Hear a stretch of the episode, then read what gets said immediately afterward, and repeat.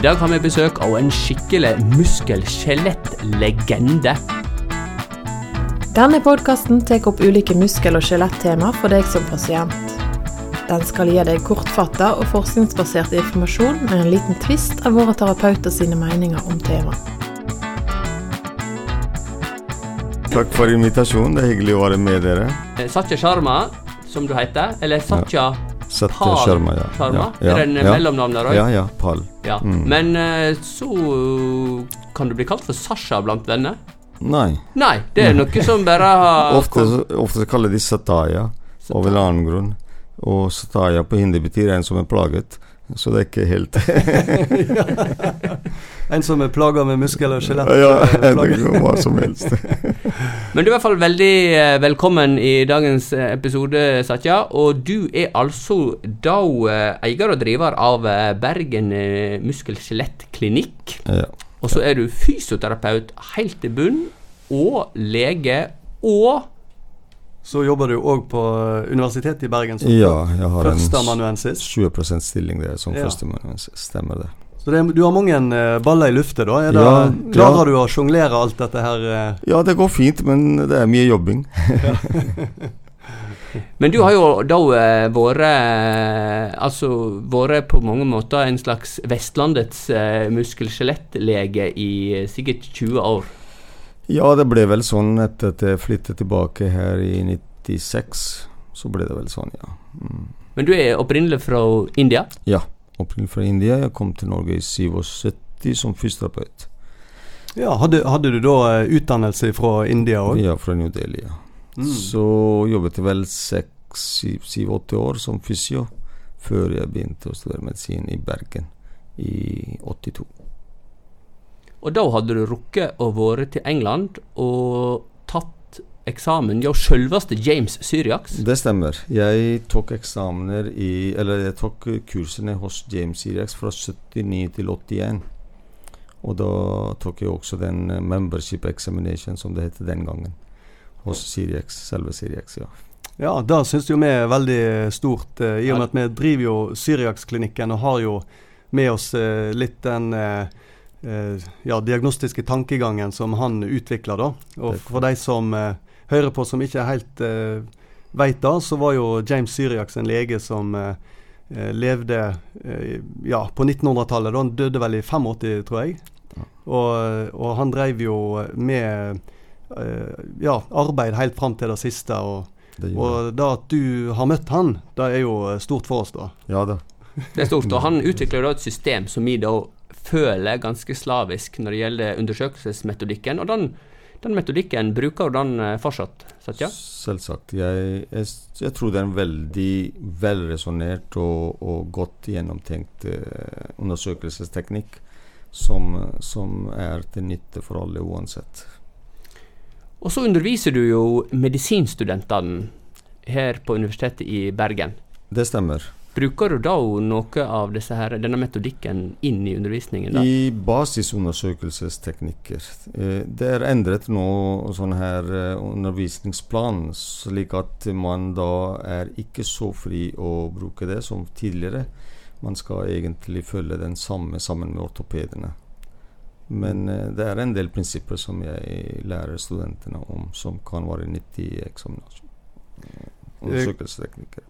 Eh, Kan jeg spørre deg, da kom jeg kanskje litt brått på, men er, er det noe spesielt i eh, eh, på en måte den undersøkelsesteknikken eh, som du liker ekstra godt ifra, fra det systemet rundt Syriaks? Ja, det er, er to-tre elementer som er veldig grundige og gjennomgående. ene er f.eks.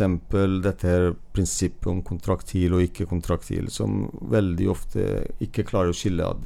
Som gjør eh, diagnostiske vanskeligheter. Hva pasienten har eller ikke har.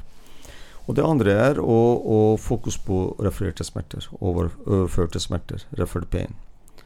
At, eh, og de to elementene er så viktige i muskelskjelett at det, det går jeg gjennom alltid med både studenter og på legekursene. Ja, for du har jo holdt eh, kurs for eh, fastleger og leger i bergensområdet i en årrekke. Det stemmer. Jeg har holdt eh, kurs i muskelskjelett for allmennleger eller fastleger Siden 1998 begynte vi vel.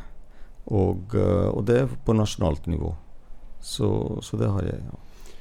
Og da er det jo mange eh, pasienter som veldig ofte vil tenke at når de får vondt en plass i muskel-skjelettsystemet, så er det naturlig å oppsøke fastlegen sin først.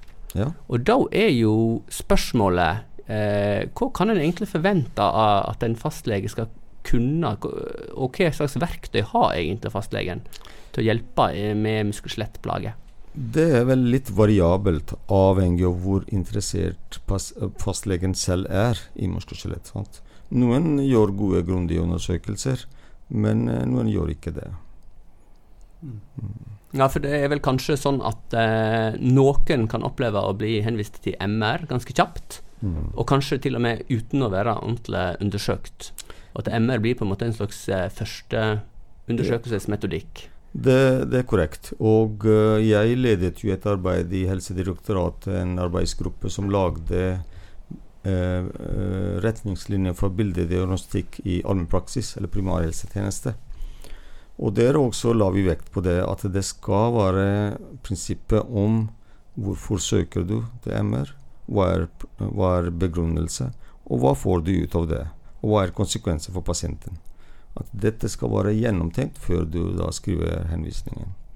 Vi holder med på nå også å lage henvisningsrutiner i, på Vestlandet, på Ha- Haukeland sykehus, som blir integrert med, med Interaktor, som er da rekvirer, rekvireringsskjema for blodprøve, og nå legger vi til også røntgen. Og der har vi også gått gjennom disse her prinsippene igjen. Du, du har jo eh, på en måte òg eh, Når det gjelder dette her med eh, radiografi, så har jo du gått litt videre, og du har jo da eh, tilegna deg litt eh, kunnskaper på ultralyd. Ja, det var en kollega som, som pressa meg til å gjøre det, og jeg er glad for det at han gjorde det. For det er en nyttig verktøy. Uh, tilbake til det du spurte om uh, fastleger og muskelskjelett. Så jeg pleier å si på mine kurs at allier deg med en fysioterapeut eller manuellterapeut som er i nærheten, som du kan samarbeide godt med. Og, eh, og på denne måten liksom eh, få tilbakemeldinger på diagnostikk og behandling. Ja, så tenker jeg jo litt på dette med, som du nevner, Edgar, om eh, bildediagnostikk, og at en gjerne er litt sånn rask på, eh, på å ta en MR. Mm. Eh, så vet vi jo da òg at eh, når en tar en, om det er MR eller ultralyd eller andre ting, så, så er ikke det nødvendigvis fasiten. En kan jo finne mye rusk inni en skulder som ikke har noe med de aktuelle symptomene å gjøre. Det Sant? er Og, helt korrekt og en veldig viktig poeng du har poengterer her. Og det er eh, faktisk Jeg pleier ikke se ofte folk som kommer til meg, har tatt en MR eller røntgen eller hva det måtte være. Og det pleier jeg ikke å se på. Så jeg pleier å egentlig undersøke først, og så si hva det er, og deretter gjøre, eh, se på det her det de har med seg. Ja. Fordi det er ikke alltid det stemmer. Og det ser vi jo ofte i muskelskjelettpraksis. og så er det jo lett å bli farga kanskje av, av det resultatet òg, og så finner du Ja, og det det heller mot å finne Og jeg pleier å forklare pasienten, for enkelte blir litt fornærma at jeg ikke ser på det som de har liksom på en måte med seg. Det pleier jeg å se på de for, for å ikke være så arrogant, men, men, eh, men eh, det er et prinsipp, rett og slett, fordi det er ikke alltid det stemmer. Ja, Syriak han eh, hadde jo et, eh, et, holdt på å si, et ordtak som han sa i for den forbindelse. Ja. Treat the patient, not the X-ray. Ja, Mm. Så det er en god regel. Det er en god regel. god regel. Absolutt. Og så har du eh, liksom aldri gitt deg med utdanning, eh, Satya. Eh, du er altså da fysioterapeut, lege, og så har du tatt i tillegg en master i England, Ja. som jeg og Sindre òg har tatt. Mm. Og så, som om det ikke var nok, så klinka du til i 2008-2009 og begynte da på doktorgrad. Det stemmer. Ehm, det var vel Master var vel et forsøk på å formalisere alle de kursene og eksamene jeg hadde der fra før av. da. Så det var jo et arbeid ekstra, men, men det var for så vidt greit. Og det var greit å formalisere det til en mastergrad. Men så var det min veileder Elise Kvøle som har æren for at jeg begynte på ph.d., som sa at jeg hadde gjort så mye i dette her, så at jeg må bare gå videre. Så det var vel hun som pusha meg litt, og takknemlig for det. Mm. Hun var en fantastisk veileder. Ja, eh, Satya, den eh, doktorgraden som du har skrevet, den eh, har du jo skrevet på den tilstand som ofte blir kalt frossen skulder. Kunne du fortalt eh, helt kort eh, før vi går inn på studien, hva en frossen skulder er for noe? Ja, frossen skulder er jo en folkelig navn på en tilstand hvor skulderen blir stiv. Og den blir stiv i flere plan, dvs. Si for å rotere skulderen eller armene utad eller innad, og så ut til siden så er det smertefullt og begrenset. Og det er et mønster at det liksom utad blir mest, mest begrenset, og, oppad mellomvei, mellomveis og bak minst. Eller innad rotasjon minst. Og Det kaller vi kapsulert mønster. og Derfor også ordet kapsulitt. Dvs. Si, it betyr jo betennelse eller inflammasjon. Og kapsel er den hinnen vi snakker om, som ligger rundt leddet innerst inne, som en tynn, sterk hinne, og er elastisk eller tøyelig. Og den da mister pga. betennelsen, så blir det smertefullt. Og så eh, mister tøyeligheten, skrumper, blir tjukkere. Hvis du ser eksempel, hvis du sammenligner en klementineskala og en appelsinskala, sånn kan det bli, eller sammenligning, da, uh, fra ene til det andre, når den er skrumpet. Og det gjør at alle disse bevegelsene blir veldig hemmet, avhengig av graden, da. Og da er jo Vi er jo veldig glad for um, forskning som blir gjort her i Bergen, på Vestlandet. På uh, folk fra Vestlandet. For det er én ting er å finne en studie fra Australia eller USA som viser det eller det, men det er ikke sånn at en bare kan overføre eh, forskning som er gjort på hi side av jordkloden, og si at dette gjelder 100 her òg. Eh, men fortell litt mer om denne her kortreiste studien din. Ja, eh, det, jeg er jo glad for at jeg gjorde det, da. Eh, og det ble gjort ganske bra takket være Alice og min eh, andre veileder. Dette var jo en eh, randomisert studie. Det betyr at jeg rekrutterte pasienter. 106 pasienter. Det tok lang tid. Det tok fire og et halvt år. Og så delte jeg i tre grupper, hvor vi hadde en kontrollgruppe som ikke fikk noe behandling, men kun informasjon om, om problemstillingen og, og, og, hva dette er, sykdommen. Og så fikk de også tilbud om akupunktur hvis det skulle være veldig vondt. Så var det da en gruppe som fikk kortisonsprøyter, eh, fire stykk, i løpet av åtte uker.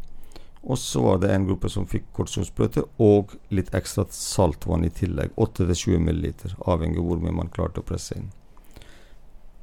Da var tanken at den tredje gruppa på en måte skulle få en eh, en sprengning i samme slengen? Ja, vi kaller det ikke sprengning. Det var mer å presse kapselen litt ut. da. Eh, slik at det ble litt mer distensjon, eller utviding av kapselen. Tøyning av kapsel, på en måte. Men eh, selvfølgelig, man kan jo stille spørsmålstegn om volum var godt nok. Og så var dette blind, dvs. Si ikke under eh, CT eller MR eller ultralydveiledning. Men eh, hva var resultatet av det du fant? da? Ja, det var veldig interessant. Det Resultatet var veldig tydelig. At de som fikk kortisoninjeksjon og eh, i tillegg ekstra saltvann, de fikk veldig rask bedring i både smerte og bevegelighet. Eh, interessant var at etter ett år så var det ikke noe forskjell på de tre gruppene. siden de kom likt ut på slutten av dagen. Men nå var det jo sånn at noen av kontrollgruppen eh, fikk så vondt at de måtte enten få injeksjon eh, eller eh, ble operert. Mm. Så hvor populært var det egentlig å være i kontrollgruppa? det var veldig skuffende. Det var derfor det tok så lang tid. Fordi når de folk blir spurt, så sa de at nei, nå har de hatt så vondt at de orker ikke bare vente to måneder til. Det var derfor. Altså, mi, her i oss da, så må jeg si at frossenskulder er den diagnosen vi har størst sjøltillit på, på det å anbefale kortisonsprøyte. Og dermed er den diagnosen i kroppen der vi på en måte sterkest tilråder at pasienten får eh, kortisoninjeksjon. Og det støtter vel kanskje òg mye av litteraturen, og kanskje òg din studie? Ja, det, det er korrekt. Tidligere så jeg forsøkte fysioterapi på lette pasienter, lett, pasienter med lette kapsulitter eller frossende skuldre. Men det ga jeg opp egentlig etter hvert, fordi det var så mye effektiv gi injeksjon, så slapp de både smerte og tid og alt det her. Så, så, jeg gikk over direkte til injeksjon og foreslo det hvis pasienten ønsket det. Mm. selvfølgelig, det er det viktigste at pasienten selv er med på det. Hvis pasienten ikke ønsker, så, så gir vi andre muligheter til det de kan velge. Men eh, jeg eh, bare ser litt på, på konklusjonen på den eh, studien. Så er det eh, Ja, så, så, konkluderer du jo med at i, i, lengden så er det ikke noe forskjell mellom gruppene. Nei. Er det bare for å sette det litt sånn på spissen, er det da eh, grunn til å tenke injeksjoner? Ja, og det er viktig å huske at eh, når det er gått et år, eller i den studien vi hadde, så hadde gruppen ikke noen forskjell mellom gruppene.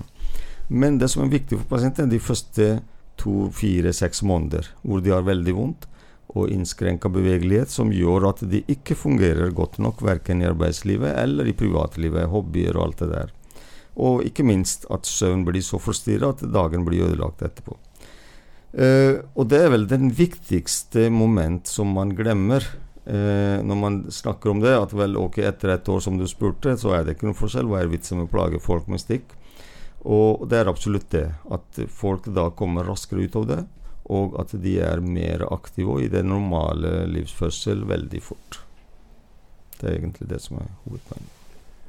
Ja, så de fleste de blir rett og slett friske av seg sjøl, men det er klart at her kan en spare enormt mye smerte, og ikke minst sykefravær, på å ta vekk en del smerte med injeksjon. Ja, det er korrekt. 60% blir jo bra av seg selv over tid. Om det tar et år, to år eller innen tre år, i hvert fall, sier de. Men 40% kan fortsatt ha smerte og stivhet noen år framover, ifølge st forskjellige studier. Så det er veldig vanskeligere å vite hvem er blant de 60 og hvem er blant de 40. Men uansett så er det de første månedene som er mest plagsomme. Både med tanke på smerte og søvn og aktivitet. Nå har jo du jobba i eh, mange mange år eh, med en privatklinikk her i Bergen, og du har sikkert hatt folk som har reist fra hele Vestlandet til deg for å, å få hjelp. Uh, og det er klart at uh, du er jo både fysioterapeut og lege, så du, du, har jo sikkert din bakgrunn i forhold til at en del plager kan trenes opp, men du kan jo ikke stå og trene opp uh, alle pasienter. Du har jo på mange måter injeksjon som ditt hovedverktøy. hvordan har det vært for deg? Og, og, du har sikkert satt injeksjoner i hele kroppen på tusen, tusenvis disse årene her. Hvordan ser du dette sammenhengen mellom trening og injeksjoner? Ja, det absolutt. Det er jo veldig viktig sammenheng. Fordi man må se, eller jeg ser det injeksjon som en vei til uh, bedring, eller en, en, Hva heter det på engelsk? En uh, means to the end, not the end itself. Sånn at det ikke ender ende i seg selv. Det er en uh, måte å komme videre på. At man fjerner smerte, og da er det lettere å trene. Det er ingen som er motivert til å trene når det er smertefullt.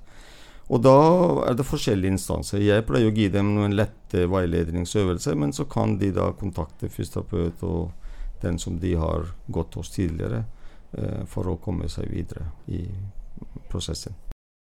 Er det noen diagnoser du vil si dette fungerer injeksjon veldig godt på? Mens noen andre diagnoser der vil si dette fungerer injeksjon absolutt ikke på. Du som har så lang erfaring. Uh, man kan si at forskningsskulder fungerer det stort sett på. Det kan variere litt graden og, og når pasienten kommer til behandling. Og Det andre er at slimposebetennelser ofte responderer veldig bra. Uh, nå setter jeg ikke direkte i scener, men, uh, men, enkelte kan fungere bra, men de har ofte tendens til tilbakefall. Slik at jeg har nærmest slutta å gi injeksjoner på f.eks.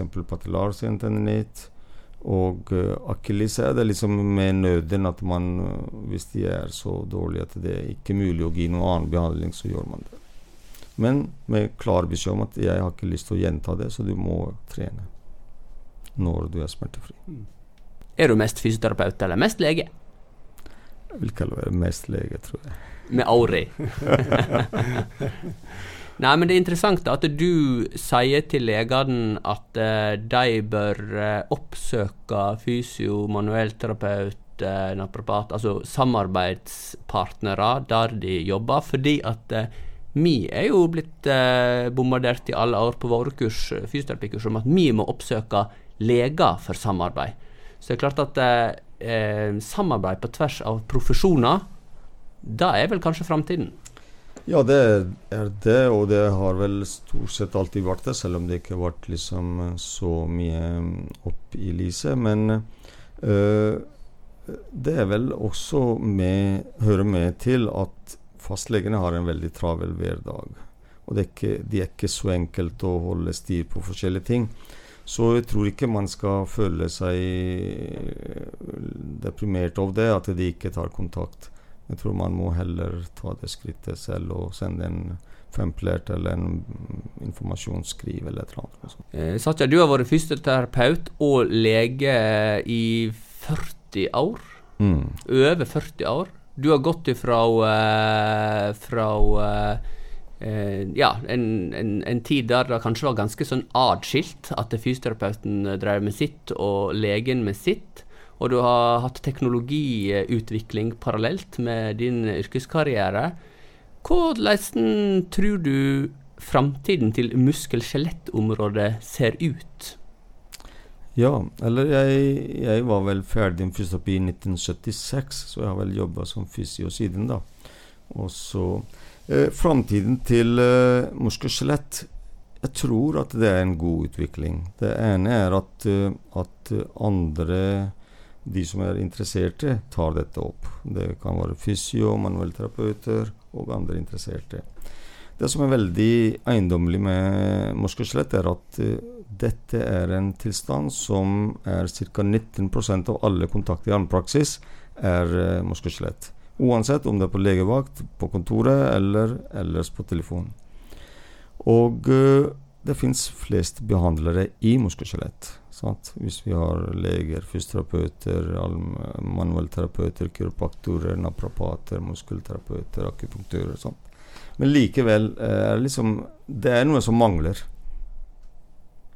Uh, så jeg, jeg, føler at dette er en god utvikling. At, at flere liksom går videre på å ta videreutdanning og så gjør noe i den retningen. Satya, jeg syns det var utrolig uh, og kjekt å ha deg på besøk i uh, Syriakspodden. Og utrolig moro å høre om din reise innenfor muskel-skjelett. Og den er vel ikke over? Du er alltid sulten på mer kunnskap, eller skal du ta, skal du ta flere utdanninger? Nei, det kan bli problem hjemme hvis jeg skal ta flere. Jeg kunne tenkt meg en master i ultralyd, men Ja, men eh, tiden er ikke Den er aldri forbi for deg. Du, du, det er fortsatt mulig. Nei, men eh, tusen takk for eh, besøket, Satya. Mm. Tusen takk, ja. Hjertelig takk for at jeg ble invitert og hadde anledning til å være med dere. Takk skal du ha. Takk for at du hørte på Syriakspodden. Håper du har fått svar på noe av det du lurte på. Gi oss gjerne en tilbakemelding på hva du syns, og om du har temaer du kunne ønske at vi. Edgeir Gunvordal og Sindre Romerheim er begge spesialister i både muskel- og skjelettfysioterapi og diagnostisk ultralyd, og jobber til daglig på Syriaks klinikk i Bergen.